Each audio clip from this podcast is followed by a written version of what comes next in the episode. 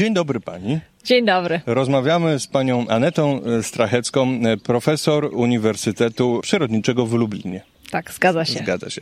Jest pani fizjologiem, specjalistką od pszczół. Biologiem, fizjologiem pszczół. Do... Zgadza się, tak. Biochemikiem, morfologiem. Och, tutaj mam dużo specjalności. Każdy ma dużo, ale gdy, żeby tak. się tak zaszufladkować. E, fizjolog, e, biochemik pszczół.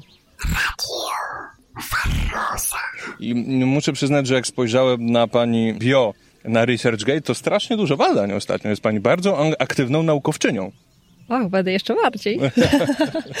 tak, dużo. Teraz e, miałam taki drobny przestój troszeczkę związany z rodziną. Właśnie urodziłam dwa lata temu córkę, miałam macierzyński, a jednak cały czas e, pracowałam e, naukowo, ile tylko mogłam, ale no wiadomo, że no, małe dziecko nie zawsze da się wszystko opublikować w czasie, w którym by się chciało.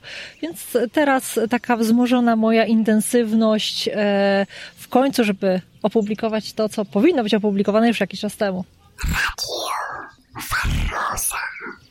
Dobrze, no to lecimy z grubej rury. Co pani na to? Pierwsze pytanie. Proszę bardzo. Najnowsze badanie i jedno z najnowszych. Czy pszczoły mają również jakieś swoje narkotyki? Hasło kofeina, Ach. kawa lub marihuana mają swoje, nawet bardzo je lubią. E, tak, e, rzeczywiście. Nie inaczej niż naczelne. Nie będę tutaj się wypowiadać.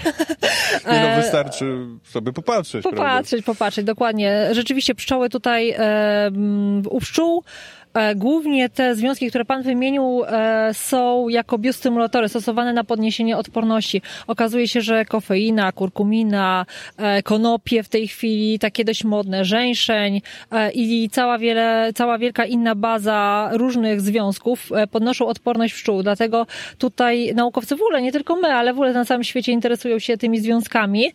Co fakt faktem, no my jako pierwsi udało nam się udowodnić, że rzeczywiście te, strzeliliśmy się z dawkami tych związków, i teraz wszyscy nas cytują, co nas bardzo cieszy.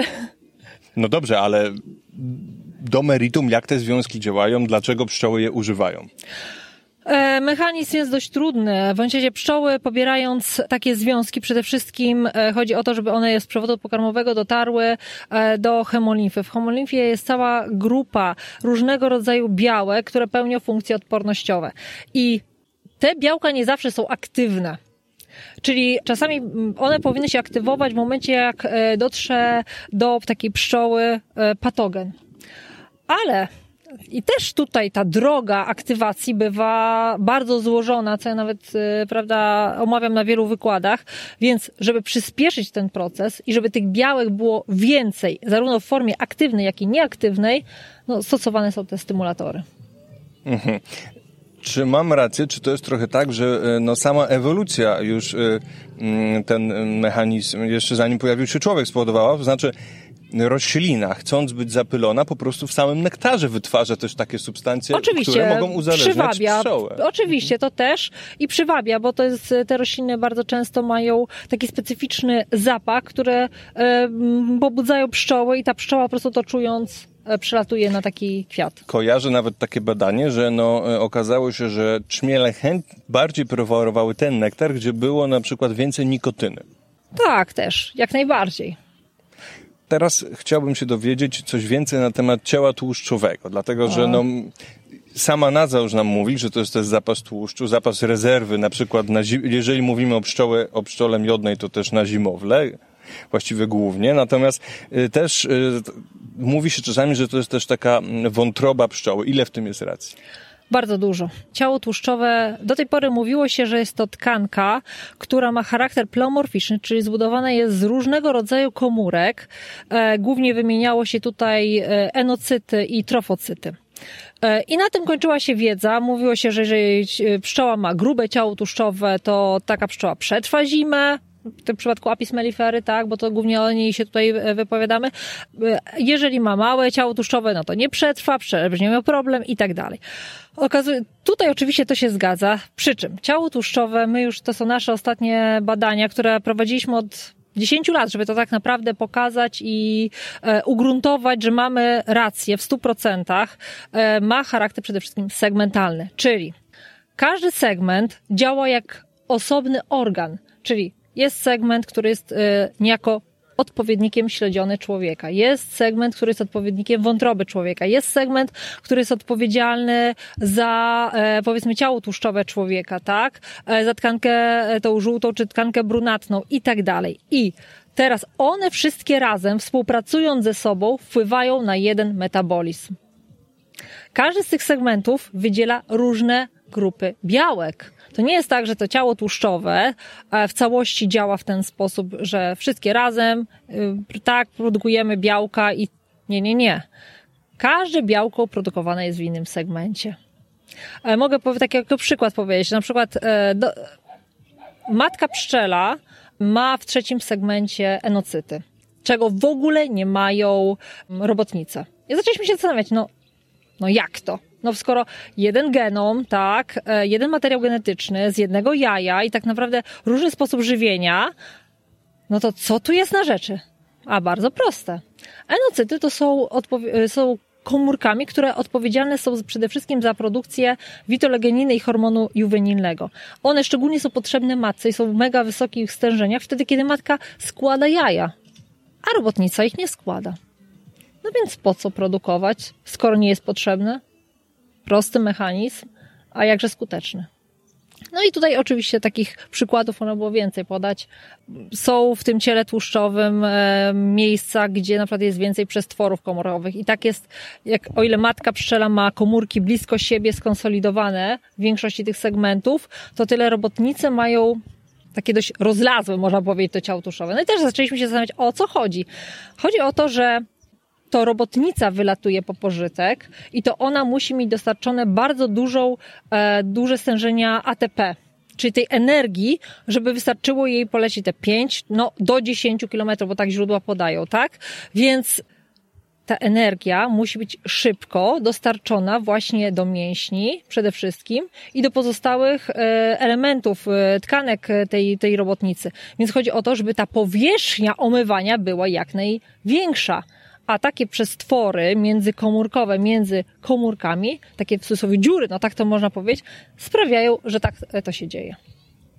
Następny temat e, fizjologiczny, że tak powiem, wpływ prądu na pszczoły. Czy mogłaby coś Pani na ten temat powiedzieć? Ale się I Pan dla... przygotował. I dlaczego 50 Hz było badane? Były różne badane. Akurat 50 Hz zdążyliśmy opublikować. Tutaj różne natężenia, napięcia tego prądu były badane. Przede wszystkim staraliśmy się stworzyć takie warunki, które normalnie występują w środowisku. Jeżeli staniemy, nie wiem, pod słupem, jeżeli staniemy przy jakimś większym nadajniku, to żeby to były warunki jak najbardziej odpowiadające naturalnym i chcieliśmy sprawdzić, bo tak naprawdę tutaj wiele jest głosów e, takich, że jedni mówią, że no, to pole wpływa negatywnie, drudzy mówią, że nie wpływa w ogóle w żaden sposób. To ja mogę teraz powiedzieć tak, że rzeczywiście ma pole elektromagnetyczne wpływ na pszczoły, do końca jeszcze nie umiem powiedzieć jaki, bo na razie zbadaliśmy tylko wpływ na układ odpornościowy, głównie na system detoksykacji, antyoksydacji i właśnie tego, ten system protolityczny, czyli takich nożyczek, które mają za zadanie pociąć patogena, jeżeli on dostanie się do organizmu pszczoły. I tutaj te mechanizmy niestety są zaburzone. Przypuszczamy, że inne mechanizmy też mogą być zaburzone. W jakim stopniu? Badania trwają. Pani Aneto, ale mam też takie już takie bardziej praktyczne pytanie, bo często ten wątek na różnych forach pszczelarskich się pojawiał. Czyli czy pszczelarz powinien mieć obawy, stawiając ule pod słupami wysokiego napięcia, czy nie? Hmm.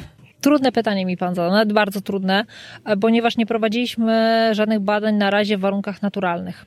Nie lubię na takie pytania odpowiadać e, tak lub nie, bo zaraz się wieści rozchodzą, e, więc odpowiem nie wiem w następnym roku, bo w tym roku kończymy całą tą część, powiedzmy, badań e, typowo laboratoryjnych, typowo klatkowych. W następnym roku chcemy założyć, właśnie postawić e, kilka rodzin właśnie w takim miejscu typu właśnie nadajnik e, i tak dalej, żeby sprawdzić, czy rzeczywiście te obawy, które uzyskaliśmy w warunkach sztucznych, potwierdzą nam się w warunkach naturalnych. Czyli na razie po prostu wiedza naukowa nie odpowiada na to pytanie. Nie odpowiada i ja też no, wolałabym powstrzymać się od odpowiedzi.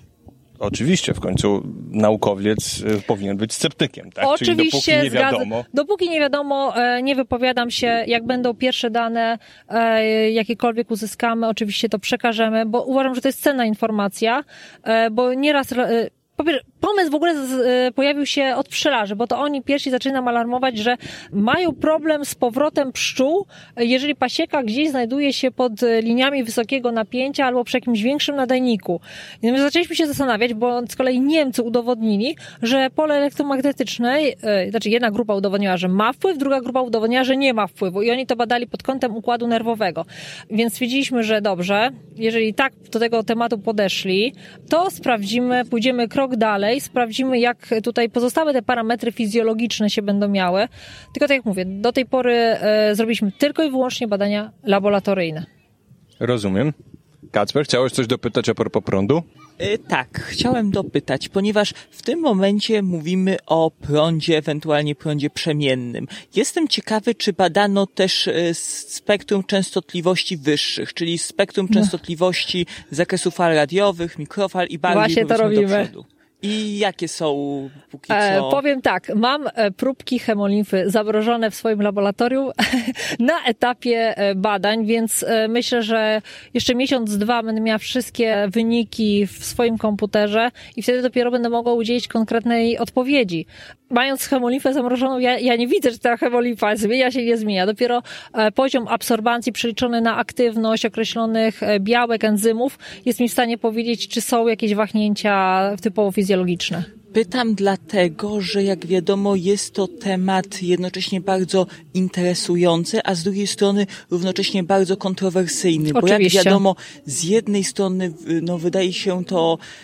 bardzo ważne z punktu widzenia rozwoju technologii, rozwoju też w przyszłości wiem, jakichś urządzeń bioelektronicznych, y, interfejsów mózg-maszyna i tak dalej, a z drugiej strony pojawia się wiele kwestii tego, jak aktualna już istniejąca technologia wpływa na organizmy. I tu pojawia się niestety kwestia olbrzymiej ilości też pseudonauki, pseudoinformacji. Tak, wiele szarlatanerii dzieje się wokół tej kwestii, przez co bardzo często niestety temat tak fascynujący jest traktowany często z dużym pobłażaniem, czy często niektórzy ludzie, nawet niektórzy badacze patrzą na to mocno sceptycznie, na badania z tego zakresu, dlatego że zbyt łatwo obawiają się, że będzie to odebrane jako jakieś wyniki, nawet jeżeli okażą się prawdziwe, to że zawsze ten swąd pseudonauki może się wokół tego unosić. Ach, to I... w każdych badaniach naukowych. Ja powiem tak, e, dziwne jakby tego to, to w ten sposób się nie zadziało.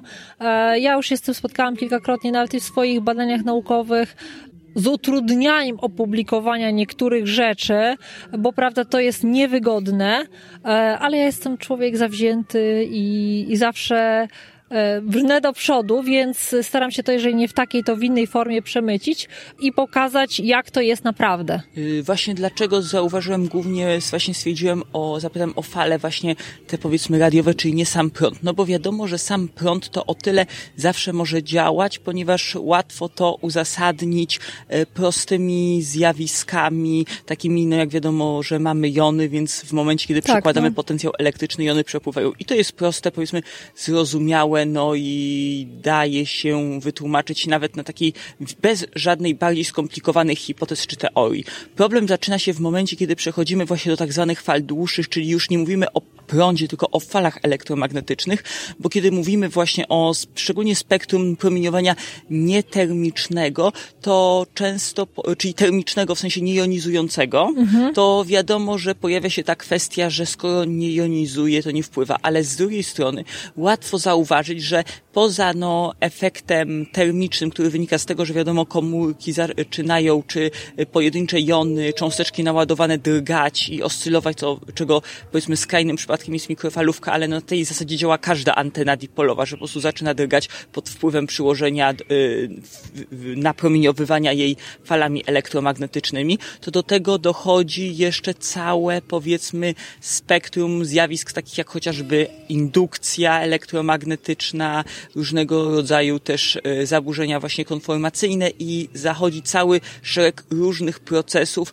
które no w pewien sposób modulują przewodnik, a wiadomo, że elektrolit sam w sobie też jest no, przewodnikiem, oczywiście o wiele słabszym niż metal, ale jednak jest. Oczywiście, oczywiście. I w momencie, kiedy popatrzymy na żywy organizm, jak na y, w pewien sposób na elektrolit, oczywiście bardzo zaawansowany, ale jednak przede wszystkim no, elektrolit, to jednak zastanawiamy się nad tym, czy tego typu fale nie mogą w jakiś mniej bądź bardziej intensywny sposób modulować y, całej gamy procesów zachodzących. No, żeby to odpowiedzieć, to mówię, muszę poczekać na komplet wyników. E, Oczywiście, bo e, będzie to niezwykle interesujące, dlatego że tutaj w, w, problem podstawowy polega na tym, że mamy skrajne obozy. Z jednej strony mamy osoby, które mówią, że to jest w ogóle obojętne dla ciała, że w ogóle nie istnieje. Drudzy z kolei popadają w teorie spiskowe i paranoje i boją się, że nas wszystkich to pozabija, a mi brakuje właśnie tego takiego obiektywnego spojrzenia, że jak wpływa, wiedzy. to jak to może wpływać negatywnie negatywnie, ale jeszcze ważniejsze, jak to może wpływać pozytywnie, bo jak wiemy, tego typu sygnały, jeżeli rzeczywiście okaże się, że mają wpływ, mogą spektakularnie usprawnić diagnostykę, mogą usprawnić medycynę, bioinżynierię i całe spektrum badań. Oczywiście, jak najbardziej. I bardziej ja od tej strony o tym myślę, bardziej od strony jak wykorzystać wiedzę o hipotetycznej możliwości oddziaływania fal do tego, żeby, nie wiem, na przykład usprawnić współczesne systemy interfejsu organizm-maszyna, które jak wiadomo wciąż są w powijakach. Ale możemy prosić, y, że jeżeli pojawią się badania, to w naszym Radio Veroza pani o tym powie. Oczywiście, z miłą chęcią. Jasne. Następne hasło pani Aneto, mianowicie też takie powiedzmy sformułowane właśnie tak memicznie, pieprz a pszczoły. Trochę pani dzisiaj o tym mówiła. tak, to, to dalej obracamy się wokół tych biostymulatorów. Z tym pieprzem to jest tak. Bo tym się pani zajmuje. Tak, między innymi tym się zajmuję, choć to nie jest e, główny, znaczy no jeden z głównych tematów. Dużo, du, wieloma rzeczami się zajmuję, że tak. tak. Z pieprzem jest taka historia, że pszczoły bardzo lubią piperynę osobiście nie lubią pieprzu, takiego dosłownie pieprzu.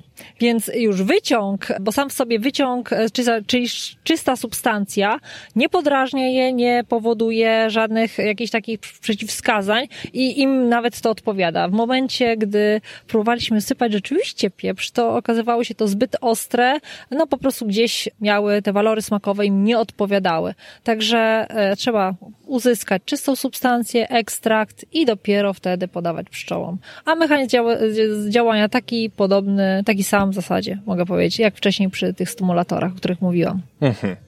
I można by to rozważyć ewentualnie przy jakiejś, jakiejś suplementacji.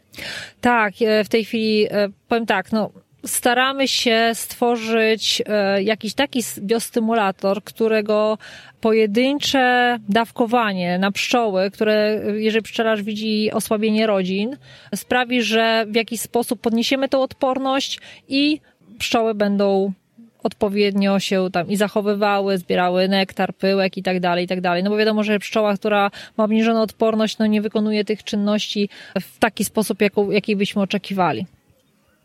Właśnie. A propos odporności, przejdźmy może do różnych sytuacji patologicznych, czyli chorób i nowotworów.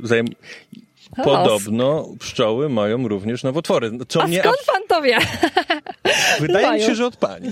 Tak, pszczoły mają nowotwory. A co mnie nie, muszę przyznać, że mnie absolutnie to nie zdziwiło, bo zdziwiłoby mnie, gdyby e, jakieś zwierzęta nie miały, aczkolwiek wyjątkowe zwierzęta chyba, e, zdaje się, że ten, no, jak się nazywają te eucycialne ssaki, przypomnij mi. Golec, o, o, Golec piaskowy zwany również ketoszczurem. Golec piaskowy zwany również. Na razie u nich nie znaleziono nowotworów, no ale to jest tak, wyjątek e, od reguły. Za wiele nie chcę na razie o tym mówić, bo właśnie przygotowuję publikację do, e, do druku. E, rzeczywiście pszczoły mają nowotwory. Do tej pory uważano, że jeżeli matka pszczela karmiona jest przez, w zasadzie przez całe swoje życie mleczkiem pszczelim, robotnice przez te pierwsze 3-4 dni, tak, to w zasadzie to jest wystarczająca objętość, czy tam dawka, to różnie jest nazywane, która powinna zabezpieczyć zarówno matkę, jak i pszczoły, robotnice przed występowaniem nowotworów. I takie publikacje są w internecie i, i jest pokazane, że w zasadzie e, to mleczko niweluje występowanie nowotworów u pszczół. Przy czym okazuje się, że e, chyba tamte zespoły nie wzięły pod uwagę e, wielu czynników stresogennych, ja to tak mając na myśli naprawdę całą gamę różnych czynników i środowiskowych, i antropogenicznych, itp., itd., które ostatnimi czasy wpływają na te pszczoły i niestety powodują występowanie takich mm, zmian, występowanie guzków. W przypadku, my te guzki zaobserwowaliśmy w przypadku matek pszczelich. W zasadzie matka, która dla, dla matki samo przebywanie w klateczce transportowej jest tak silnym przeżyciem, nawet tak to mogę powiedzieć, stresowym, że e, w jaki sposób indukowane są e, powstanie właśnie tych komórek no, nowotworowych. I w tym momencie e, takie komórki nowotworowe w większości osadzają się w gruczołach kieszonkowych. Gruczoły kieszonkowe to są te, które odpowiadają za konsolidację rodziny, które pokazują robotnicom, że w ogóle matka w rodzinie pszczelej jest.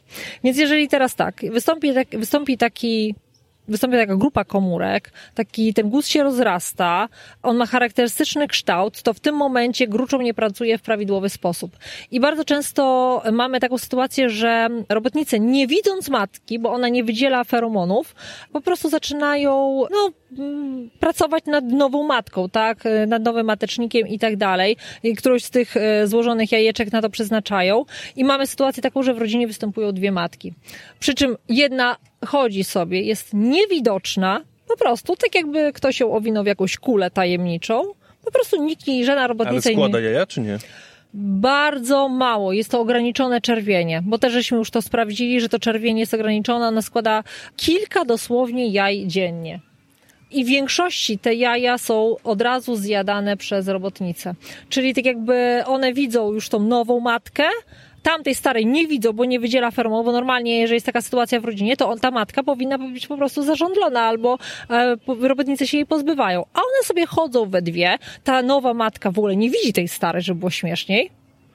Co też, jeżeli matka matkę widzi, to od razu dochodzi do e, przejawów e, agresji, tak? I do walk matek. A sobie po prostu chodzą kulturalnie, Jedna składa jajka, jedna funkcjonuje, a druga sobie po prostu jest jako taka niewidoczna kula.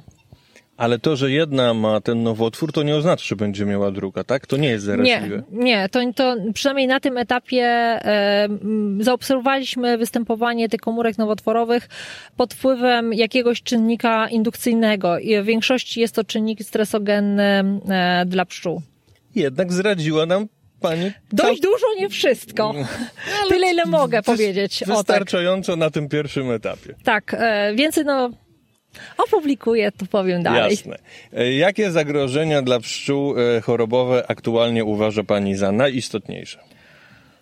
Ha, powiem tak. E, ja bym to rozpatrywała jako wiele czynników, które razem ze, mając wpływ na tą pszczołę, po prostu wywołują taki, a nie inny efekt. Ja bym nie wyodrębniała każdego czynnika z osobna. To, co ja widzę, powiedzmy na dzień dzisiejszy, oprócz tych całej gamy patogenów, bo o tym wszyscy mówią, trąbią i tak dalej, to dla mnie największym zagrożeniem jest dieta pszczół. Niestety, ja powiem tak, jako mała dziewczynka pamiętam, wychodziłam e, z domku od swoich dziadków nad rzeką, i były po prostu piękne, cudowne łąki. Ja zamknęłam oczy, to po prostu to widzę. Widzę te trzmiele, te pszczoły, czy u mojego dziadka, czy, czy u moich sąsiadów e, pszczele, które po prostu, rój tych pszczół, które gdzieś tam krążą. Ja to po prostu pamiętam. A dziś tych łąk nie ma. Jestem, jestem na wsi, tam gdzie się wychowałam i po prostu tego wszystkiego nie ma. Są nieużytki, są piękna, ładna trawka, bo tak wszystkim wygodnie. Mamy e, w naszych, e, proszę zobaczyć, co się stało w tym okresie, powiedzmy, lat 80., 90. i początek XXI e, wieku. Tak bardzo zachłysnęliśmy się tymi wszystkimi iglaczkami, tym wyrównanym chodniczkiem, tymi trawniczkami, wszystko pięknie skoszone. Jak tam któryś sąsiad nie przyciął, albo nie daj Boże, konieczynka mu wyrosła w trawie, to znaczy, że on to już ma zachwaszczony trawniczek. Szanowni Państwo, niestety ta konieczynka, znaczy mówię niestety, niestety dla nas, jak ktoś patrzy wizualnie, tak, jak ja pojadę do centrum ogrodniczego i pan mi próbuje wlepić e, jakiś kolejny środek, żebym z mojego trawnika pozbyła się koniczyny, to ja mówię, ale proszę pana, ja chcę mieć dużo koniczyny, chcę mieć habry, maki i wszystko. Oni się patrzą na mnie, ale jak to? Będzie pani miała chwasty? Ja mówię, i właśnie o to mi chodzi. Więc y, dla mnie osobiście, jako y, też biologa, ekologa, fizjologa, najważniejsze jest dobra dieta. Bo to tak jak w tej reklamie Actimela. Ja może tak, taki, taki absurd, bynajmniej za tą reklamą nie jestem, bo tam też jest trochę różnych, ale to jest dobry, dobre hasło, że odporność bierze się z brzucha. Tak samo, szanowni państwo, no odporność pszczoły bierze się z jej jelit, z prawidłowo funkcjonujących. My musimy zrobić wszystko. Ja myślę, że cała w ogóle e, nauka powinna iść w tym kierunku, żeby jak najbardziej wzmocnić te bariery jelitowe, bo jeżeli to będzie dobrze pracowało, to znaczy cały system też będzie dobrze pracować. Bo przez tą nieszczelność jelit, przez te mikrourazy tych jelit, niestety mamy tego typu historie. To, że e, nosemoza wnika, e, znaczy nosema, przepraszam, nosemoza to jest choroba, e, nosemy, spory nosemy wnikają do komórek nabłonkowych, to nie jest wynik, no bo coś w tych komórkach jest, prawda, to jest wynik tego, że te komórki są nieszczelne. Po prostu one nieprawidłowo pracują. Normalnie to po prostu pszczoła, przez pszczołę powinno przelecieć. Albo wręcz do jelit nie powinno się dostać. Powinno się zostać zatrzymane na pewnym odcinku przewodu pokarmowego, tak? No niestety. A zresztą no widać, jak to też się wszystko posuwa do przodu, jak te patogeny się rozwijają i cały czas nowe są odkrywane. Nie znamy etiologii i przebiegu chorób, ale już widzimy, że coś jest na rzeczy, coś się pojawia. No i, no i mamy tego typu historie, tak? Rozumiem. Mówiła Pani o jelitach. Jesteśmy na gorąco po e, Pani wykładzie na Dniach Bałtowa, na, e, znaczy na Dniach Pszczoły w Bałtowie tak, i konferencji, gdzie miała Pani wykład. Zwracała Pani uwagę na probiotyki komercyjnie dostępne dla pszczół, że one często są e, szczepami bakterii tak naprawdę pobranymi i rozmnażanymi od innych zwierząt, na przykład tak. ssaków, więc niekoniecznie muszą pasować do pszczoły. I druga kwestia, że non-stop, nawet jeśli by to działało, to non-stop podawanie do tego może być długofalowo niekorzystne. niekorzystne. A ja dzisiaj, przechodząc się tam po kramach, e, rozmawiałem z panią, która sprzedawała i powiedziała mi, że no wszyscy pszczelarze właściwie dobrze by było, żeby to e, e, ładowali tak. cały czas do syropu. Jakie jest Pani zdanie na ten temat? Powiem... Czy są badania naukowe, które potwierdzają e, bezwzględnie, że rzeczywiście stosowanie tych antybiotyków powoduje, tak. że pszczoły są zdrowsze? E, probiotyków. Probiotyków, tak. Powiem tak. My żeśmy przebadali e, jeszcze w zespole parę lat temu. E, co prawda nie wszystkie te dane są opublikowane i też trzeba w końcu się za to zabrać, e, żeby, żeby trochę uciąć te głosy. Przebadaliśmy większość probiotyków, która była w tej chwili dostępna na rynku. One są do dnia dzisiejszego dostępne. Przypuszczalnie tutaj też taki jest. Tak, tutaj też. Tak, to są dokładnie te, dokładnie tak. E, właśnie między innymi. E, I powiem tak te probiotyki na krótką falę, czyli jeżeli mamy pszczoły, rzeczywiście coś się dzieje z ich jelitami, nie wiem, mamy silny rozwój nosemozy, jakieś tam inne ewentualnie bakterie, które no w jakiś sposób e, zagrażają pszczole, tak, jednorazowe dawki, pobudzenie układu odpornościowego i wycofanie się. Te probiotyki, szczerze mówiąc, w pewnym momencie doprowadzają do czegoś takiego, że całkowicie usuwane są mikroorganizmy pszczele, ponieważ one są silnie działającymi, e, te mikroorganizmy i wypierają całkowicie typową, naturalną florę jelitową pszczół. Więc jeżeli my to zaczniemy stosować, to w pewnym momencie będziemy mieć pszczoły, na przykład z mikroorganizmami wyizolowanymi od świń albo jakichś tam innych e, grup e, e, zwierząt. Więc dłuższe stosowanie, po pierwsze, pszczoły, zacznijmy od tego, że pszczoły przy dłuższym stosowaniu w ogóle raz, że od nich jest eliminowane te ich naturalna flora, a po drugie przestają w ogóle produkować swoją naturalną florę. No bo nie mają szans, e, mikroorganizmy się dzielą, tak? To są, e, to są, to jest pewien proces. One muszą mieć dostarczone też pewną bazę pożytk, znaczy pożytkową, no pokarmową, tak? Tam też muszą być spełnione pewne warunki, wilgotności i tak dalej, i tak dalej. Więc jeżeli to jest niezapewnione, bo dostarczyliśmy coś, co zaburzyło to, ten, ten cały układ jelitowy, no to mamy, jesteśmy skazani, tak, żebyśmy teraz do końca, dokąd mamy dane pokolenie pszczół, przynajmniej, co jest bardzo trudne do uzyskania, bo wiemy, że w rodzinie pszczelej mamy wiele pokoleń pszczół, jednorazowo, no po prostu wyeliminować y, potem, żeby, żebyśmy mieli pszczoły z ich własną mikroflorą. Rozumiem. Dziękuję za wyczerpującą odpowiedź. Proszę bardzo. Mam nadzieję, że to jasno powiedziałam. Jasno i wyraźnie. Pani Aneto, takie hasło kolejne. Mała komórka. Działa czy nie? e, działa na to, co e, producenci deklarują, czyli pszczoły są zdrowsze, mają mniejsze porażenie dręczem pszczeli. Co mówi na ten temat twarda nauka? Ciężko mi się wypowiedzieć. A widziałem, pytam dlatego, że nas po prostu w pani, widziałem na ResearchGate e, jakąś taką publikację, gdzie było pani nazwisko. O której pan publikacji mówi to teraz? Nie było, to nie była najnowsza publikacja. Nie pamiętam. Rozumiem kurczę, musiałabym sięgnąć. Jakby mi pan przybliżył, to pewnie bym e, wiedziała. Być może to było w grupie gdzieś jakichś współautorów. Tak, tak. E, tak. E, I ja bardzo często do swojego laboratorium, e, ponieważ ludzie wiedzą, że e, my jesteśmy chyba w tej chwili mogę powiedzieć, że chyba jedynym laboratorium w Polsce, które zajmuje się na tak szeroką skalę, fiz skalą fizjologią pszczół. W tej chwili e, określamy ponad 50 różnych parametrów u pszczoły. I tym się pani aktualnie głównie zajmuje, tak?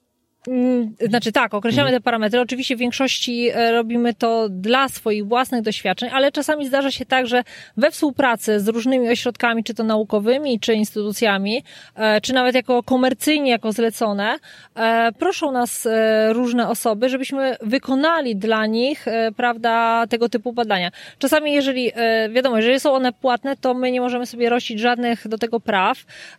Jeżeli po prostu oddajemy wyniki i na tym się to kończy, tak jak to w większości badań komercyjnych.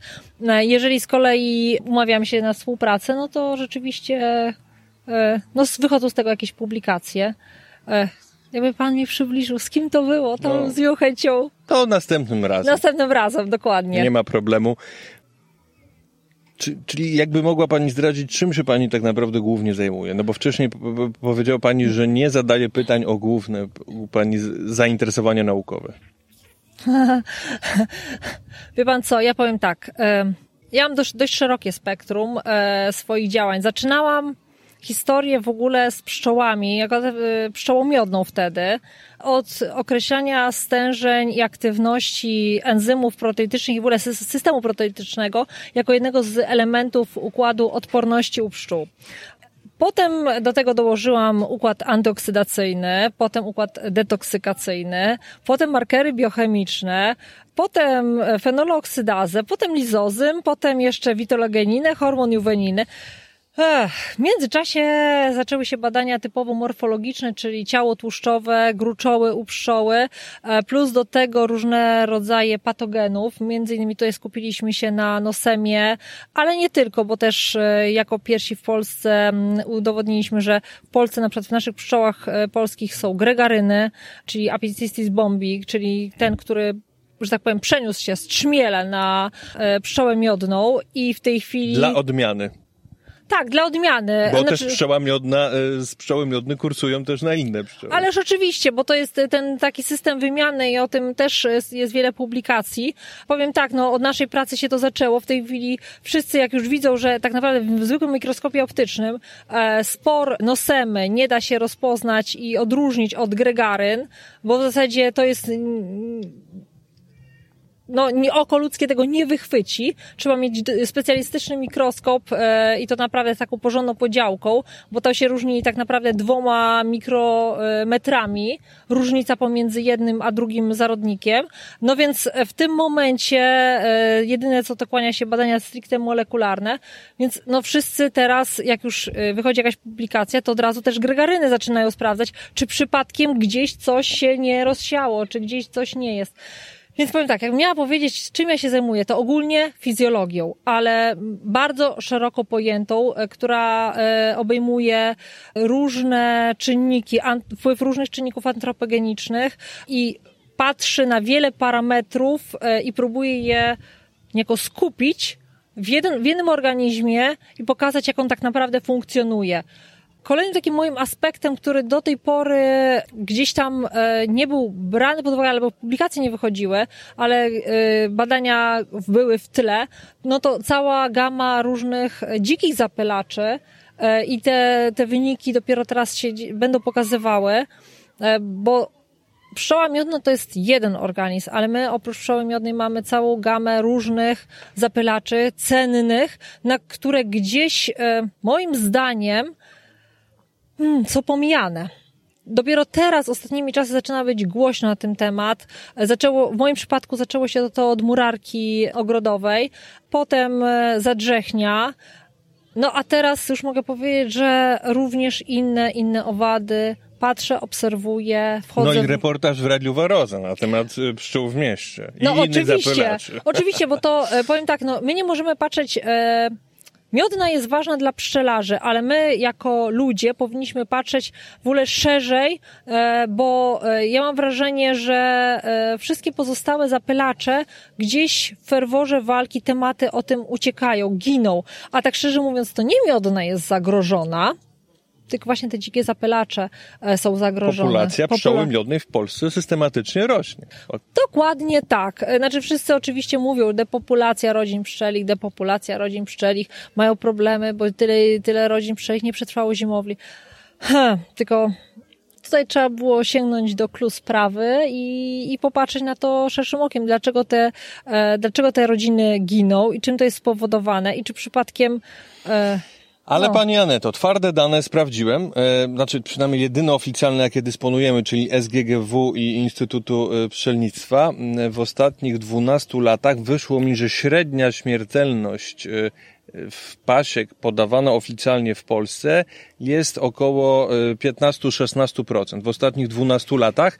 tak. Mm, Wiadomo, że są pasieki, które stracą prawie wszystko, prawie nic i oczywiście no medialnie ta, która straciła prawie wszystko jest, to jest dla tego pszczelarza pewnie katastrofa. Natomiast no jednak liczy się też średnia i twarde dane. I teraz pytanie, czy 15 przed erą Varroa, tak zwykło się mówić, nie wiem na ile są to dane potwierdzone, mówi, z trady, akceptowalna była śmiertelność y, dzie- około 10%. Teraz pytanie, czy 15-16% to jest bardzo dużo i tragedia, biorąc pod uwagę, że wydaje mi się, że naturą pszczoły miodnej jest mimo wszystko strategia reprodukcyjna, bardziej R, czyli produkuje dużo, więc, dużo więcej potomków niż jest w stanie przetrwać, tak, tak y, bez opieki człowieka. Dokładnie tak.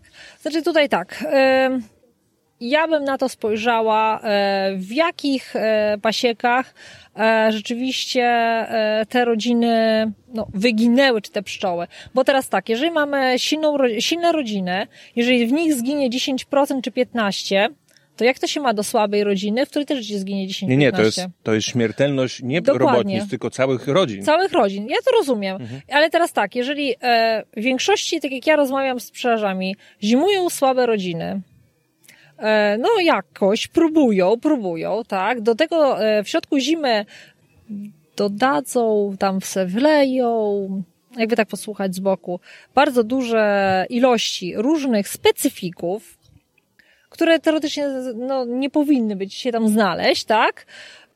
I potem się dziwią, że na wiosnę, kurczę, pasieka im zginęła. No to dla mnie tego typu dane, to trzeba też by było uzupełnić e, o czynniki, które powodują to rzeczywiście. Niekoniecznie to musi świadczyć o zagrożeniu gatunku populacji Gatunek Polsce, moim prawda? zdaniem w ogóle nie jest zagrożony. Nawet populacja polska. Nawet populacja polska. Mamy coraz więcej rodzin e, pszczelich, mamy e, coraz więcej pszczelarzy, takich amatorów, ja bym tak powiedziała, bo ja nawet u siebie widzę e, gdzieś tam w rodzinnym miasteczku, że e, ten sąsiad sobie postawił dwa, dwie rodziny, ten sobie postawił pięć, ten sobie postawił dziesięć, więc suma summarum, e, wiadomo, że ten, ten, co ma dwie, to w większości e, zimy nie przetrwają, więc on na wiosnę znowu sobie stawia dwie albo cztery, bo jak mu te dwie padną, to jeszcze dwie mu zostaną i to jest tego typu myślenie, więc huh, no, ja bym rozważyła Konkretnie nie odpowiedziała pani. Większość osób, jak pytam o to, to ucieka odpowiedzi, czy to, czy to, To jest jest według dużo. ich opinii. Okej, no to ja się zgadzam też. Możemy sobie przybliżyć nawet piątkę.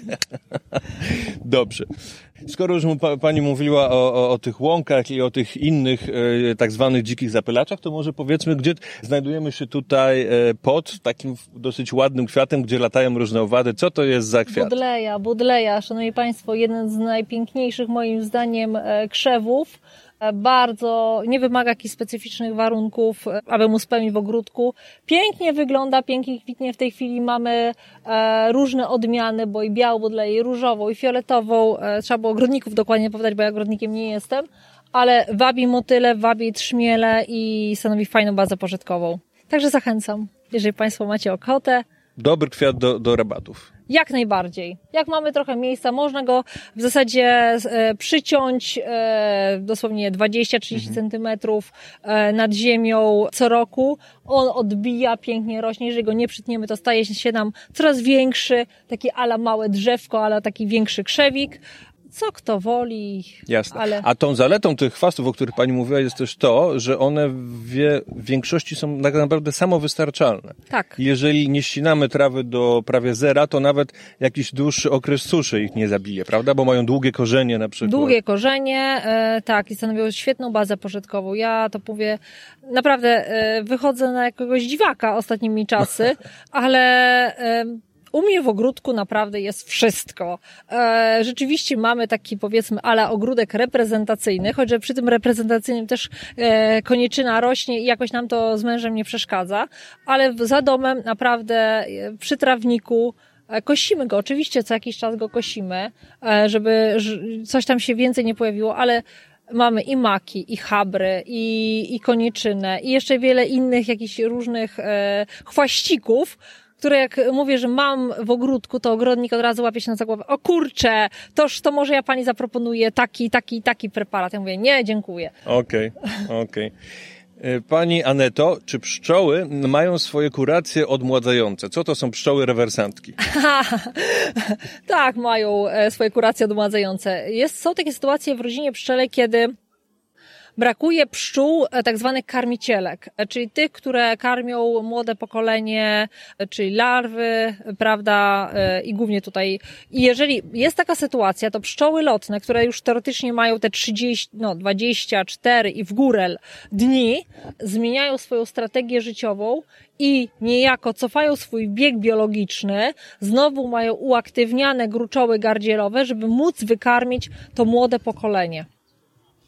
Tak I przez to dłużej żyją. I przez to dłużej żyją, bo takie pszczoły mogą żyć nawet 60-70 dni.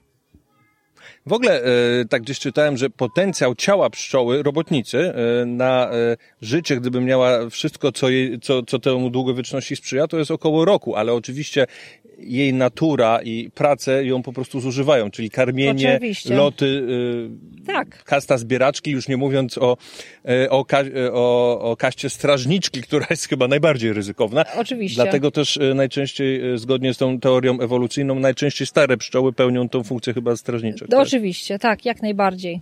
Jak najbardziej ostatnie mm, pytanie, chyba że jeszcze pani będzie chciała coś dodać, e, pani Aneto, a właściwie nie, dwa moje główne pytania, filo, takie z, z filozofii przyrody. Czy dręcz pszczeli, aka Varroa destructor, może być dla pani pięknym organizmem godnym podziwu? Ależ oczywiście. nie, uważam, że e, e, fajną e, pracę wykonujecie i fajne rzeczy robicie. Nie, nie mam czasu, żeby tak wszystkiego odsłuchać, wszystkich wywiadów, które są na stronie internetowej, ale od czasu do czasu rzeczywiście sobie coś włączam. No głównie są to tematy związane z ekologią, z zapylaczami i uważam, że to taka konsolidacja różnych osób, E, głównie z nauki, ale nie tylko. To jest fajna sprawa, bo pokazuje, że środowisko naukowe też nie jest takie jednorodne. Pokazuje takie roz, też rozwarstwienie, pokazuje różne drogi i, i taki sposób myślenia też. Więc e, jak najbardziej pozytywnie. Ale przecież dyskusja wewnątrz świata naukowego jest sednem nauki. Ależ oczywiście ja się z tym zgadzam. No, ja to nawet widziałam kiedyś na konferencjach dwóch profesorów, e, dyskutując się w końcu pobiło, więc e, na tym polega nauka, bo w końcu e, trzeba siąść przy kawie, ja to mówię czasami przy dobrym winie i dotąd rozmawiać, aż się w końcu gdzieś tam wysnuje jakiś pomysł, który można dalej realizować. No tak powstało wiele Oczywiście. też różnych tematów, które sama realizuje czasami to, ja mówię, ja to jestem taką osobą dość dynamiczną i pamiętam jeszcze jak, e, będąc na doktoracie, i go pisząc, sprzedawałam do mojego szefa i mówię, słuchaj, słuchaj, słuchaj, ty wiesz co, ty w mikroskopie widziałam? Kurczę, zobacz, to były takie komórki. Potem się okazywało, że na przykład te komórki, jak zaczęliśmy je badać, po wielu, wielu latach okazały się, nie wiem, jakimiś komórkami gruczołowymi, komórkami nowotworowymi i tak dalej. Na tym polega też nauka, żeby zachwycać się tym, co się robi, żeby być pasjonatem. Ja uważam, że taką osobą jestem, bo e, dzisiaj świat nauki jest dość taki drapieżny, zwariowany, tak. A przecież y, głównym celem nauk podstawowych, nauk przyrodniczych jest ciekawość wszechświata. Tak, jak najbardziej. Y, ewentualnie polepszanie dobrostanu człowieka to jest dopiero drugorzędny, trzeciorzędny cel. Natomiast jeżeli ktoś, kogoś coś pasjonuje i bada coś, ma pomysł na badanie tylko dlatego, że to jest ciekawe, jak najbardziej nie jest to jakby mniej wartościowe badanie, a doświadczenie pokazuje, że większość tego i tak się kiedyś czy później przyda. E, tak, jak najbardziej, bo ja powiem tak, że bardzo często e, różne rzeczy, nawet mogę powiedzieć z moich publikacji, już opublikowanych, te, co które przygotowuję, powstało tak przy tak zwanej okazji. Ja to powiem do, dobry przykład, że e, Maria Kieliskudowska, gdyby nie siedziała w laboratorium, sobie tam nie przelewała w tych próbówkach, no nie mielibyśmy noblistki w, w naszym kraju. I na tym polega też między innymi, że robi, zamierzamy, mamy jakąś hipotezę, chcemy coś udowodnić, przelewam sobie w tych próbówkach, a raptownie oprócz tej jednej rzeczy wychodzi mi trzy inne, tak? I zaczynam się zastanowić, czego to jest efektem.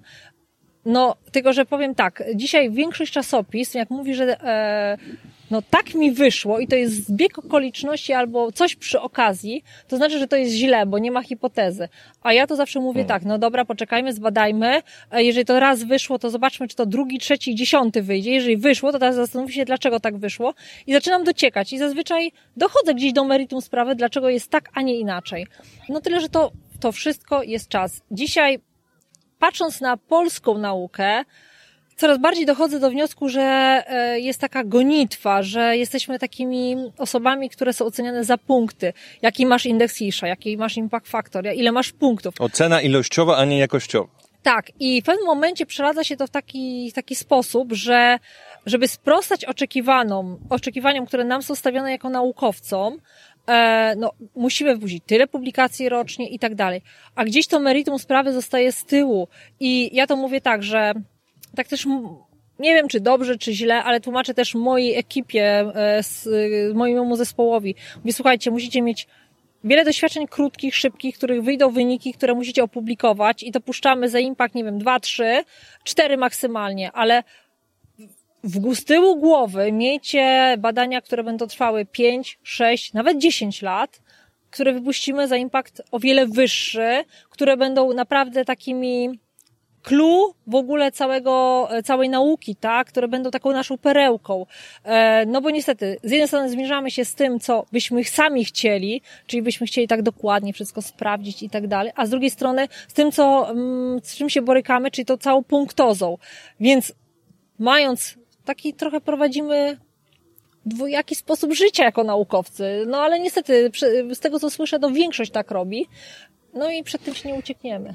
Troszeczkę też nawiążę do, co pani powiedziała. Dziwi mnie, jak czasami nauko, naukowiec albo dziennikarz mówi, że no tutaj niestety hipoteza się nie potwierdziła, ale przecież jeżeli hipoteza się nie potwierdza, to jest tak samo wartościowe, jakby się potwierdziła. Zresztą na siłę poszukiwanie potwierdzenia to nawet by było troszeczkę, e, powiedzmy, taka XIX-wieczna nauka, bo aktualna nauka to właściwie falsyfikuje, czyli szuka obaleń, prawda, czegoś. Tak, jak najbardziej. E, ja też tego bardzo nie lubię, jeżeli ktoś mówi, że każda hipoteza musi być potwierdzona. Mm. Wiele hipotez, no, po to zakładamy, żebyśmy potem e, właśnie mogli je zweryfikować, ale weryfikacja to jest zarówno potwierdzenie, jak zanegowanie. No więc, jasne. Więc po to się to stawia, żeby sprawdzić, jaki jest stan faktyczny. Dokładnie.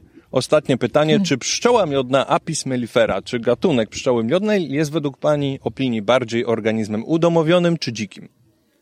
No, bez wątpienia udomowionym. Ja powiem tak, e, patrząc na to, co się dzisiaj dzieje, zobaczcie Państwo, że jakie my mamy stanowiska dzikiej pszczoły Apis mellifery w Polsce. Tak naprawdę Puszcza Augustowska gdzieś tam może jeszcze gdzieś, tak? E, więc ja mogę e, z pełną odpowiedzialnością powiedzieć, że dzisiaj pszczoła miodna to jest pszczoła udomowiona, pszczoła, która e, żyje, żyje w środowisku e, takim sztucznym, stworzonym przez człowieka, bo nie oszukujmy się, ale ulg, mimo że ma odzwierciedlać powiedzmy naturalne warunki, to tak naprawdę, zobaczcie Państwo, e, węzę podajemy. W normalnych warunkach przecież pszczoła sobie to sama budowała te komórki. My żeśmy tego nie musieli jej podawać, tak? Tutaj Oczywiście piękne ramki, równiusieńkie, węza. E, no wiadomo, że dalej sobie ona to, to węzę ciągnie i tak dalej. Ale sam schemat podajemy, tak? Dalej leki podajemy. Więc w normalnych warunkach tego wszystkiego nie ma. Więc ja myślę, że e, już dzisiaj, dlatego też tak ważne jest zachowanie tych rodzimych ras, no, żebyśmy mieli do czego wrócić za ileś lat. Okej. Okay. Czy ma Pani coś do dodania dla słuchaczy e, Radiowa Roza i Przelewieści? I to jest chyba najtrudniejsze pytanie. Ja powiem tak, e, cieszę się, że mogłam e, się wypowiedzieć, e, cieszę się, że mogłam się podzielić z Krawkiem tego, co robię, swojej pasji, która tak naprawdę zrodził we mnie jeszcze mój świętej pamięci dziadzio, a w zasadzie pradziadek, bo u mnie to ta historia zaczęła się bardzo, bardzo dawno temu. Jeszcze najpierw e, mój dziadek, pradziadek miał pasiekę, potem dziadek miał pasiekę, e, wujkowie i tak dalej. Potem e, jak dziadek umarł, a pasieka niestety została zalana przez wodę, nie miał kto tego odbudować i cieszę się, że po wielu, wielu, wielu latach e, w końcu mi się to też udało tak pod względem rodzinnym, a również pod względem naukowym, że to się stało taką pasją e, życia, czego też nie podejrzewałam w tamtym okresie, E, bo wtedy pszczoły się kojarzyły z organizmami, które żądlą, a tak naprawdę nie żądlą, znaczy żądlą, żądli kilka gatunków, tak, a, a reszta jest nierządlących e, i cieszę się, że mogę to robić i przekazywać tą swoją pasję młodym ludziom, tak naprawdę już od przedszkoli, od przez podstawówki, licea, aż po właśnie nawet takie grono, jak dzisiaj mieliśmy, że było widać, że jednak e, to grono pszczelarzy, no to jednak jest starsi ludzie i mogłam się cząstką siebie podzielić z każdym. Bardzo fajne podsumowanie. Życzymy e, Pani Aneto samych satysfakcjonujących badań. Dziękuję naukowych. bardzo. Jeszcze może jako suplement proponuję, powiedzmy, bo to przyszły tydzień się będzie finalizowało, E, no jest taka strzelnica w Łukowie właśnie, gdzie, gdzie stwierdzone są różne mm, e, inne pszczoły, ale także grzebacze, e, czy powiedzmy podejrzewam, że jakieś muchówki, czyli grzebacze to są, prawda, ewolucyjni kuzyni pszczół, też ciekawe owady, też tak. polują i na pszczoły, ale też mogą zapylać. No w każdym, jest tam, są też tam pszczoły z czerwonej listy, z czerwonej listy, z czerwonej księgi zwierząt bezkręgowych i mm, no ma tam powstać strzelnica i jest właśnie no dylemat, czy wjeżdżać tam ciężkim sprzętem, gdzie zniszczy to stanowisko, czy ewentualnie jakoś inaczej mm, po prostu zabezpieczyć to stanowisko, a nadal e, korzystać z tego, e, z tego stanowiska i mogło, co pani na ten temat sądzi? Ja powiem tak, wszystkimi możliwymi siłami trzeba zrobić wszystko, żeby to stanowisko zabezpieczyć. E, nie ma takiej opcji, że jeżeli, nie wiem, zrobimy metr na metr pszczołom, zostawimy je, bo one tutaj występują, tak, to się tutaj zaobserwował, a na dalszej części będą wjeżdżały ciężkie sprzęty, będzie strzelnica, że te pszczoły się tam utrzymają. Nie. Pszczoła jest takim gatunkiem, e, w ogóle pszczoły, zapylacze są takimi gatunkami, które e, lubią, jeżeli nie zaburza się ich spokoju, jeżeli się e, nie podchodzi blisko.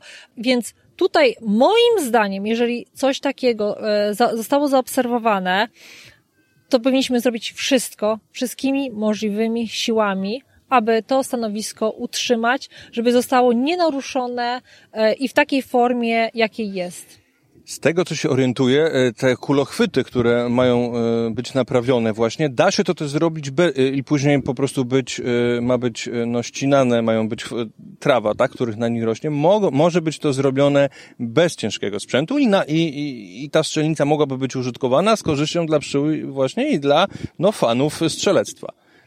Nie, czyli może to istnieć, tylko po prostu kwestia tego y, y, ciężkiego sprzętu. Znaczy powiem tak, myślę, że samo strzelectwo, wiadomo, że tego się nie, y, fani tego no, sportu, no tak można go określić, to nie są osoby, które strzelają na strzelnicy codziennie, e, ta strzelnica jest non-stop zajmowana i tak dalej. To są ludzie, którzy normalnie, prawda, jak spacerowicze e, wykorzystują pewien teren i wiadomo, że większość to po prostu chodzi na piechotę i tak dalej. Więc pszczoły, no przecież my też chodzimy po łąkach, też zwiedzamy różne rzeczy, a mimo to te pszczoły tam są.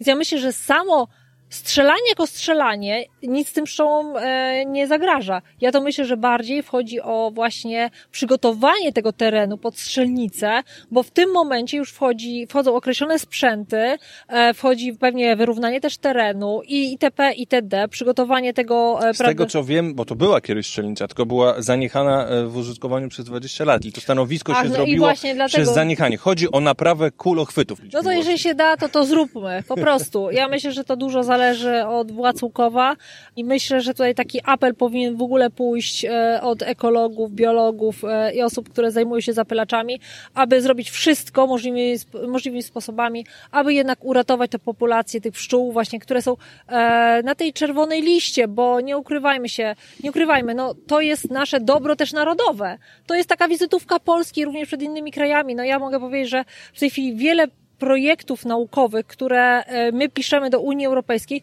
to nie są projekty na pszczołę miodną, tylko właśnie na te gatunki z czerwonej listy, żeby je poznać, żeby je sprawdzić, jakie mają gatunki e, roślin, które zapylają e, i tak dalej, jaka jest ich baza pożytkowa, jak się rozmnażają, jeżeli ten, te cykle są niepoznane. Więc dlaczego to niszczyć sobie ma dobry materiał do badań w przyszłości, bo wiadomo, że jeżeli to jest jakieś jedno stanowisko, to na razie będziemy obserwatorami, tak, z dość dalekiej odległości, ale to też już daje pewien potencjał, ale za chwilę, jeżeli nie będziemy tych pszczół ruszać, to będzie ich coraz więcej, coraz więcej i stworzymy taką bazę również w przyszłości do e, może bardziej e, wyrachowanych badań e, naukowych. No właśnie, tym bardziej, że to hasło ratowania pszczół, prawda, no często jest nadużywane i zgodziliśmy się, że jest przesadzone, ale akurat tutaj, co do tych gatunków Jak zagrożonych, to właśnie pasuje. Tak, to hasło przede wszystkim powinno być skierowane do gatunków zagrożonych i to w tym kierunku powinno iść. Pozdrawiamy. Pozdrawiamy. Dziękujemy.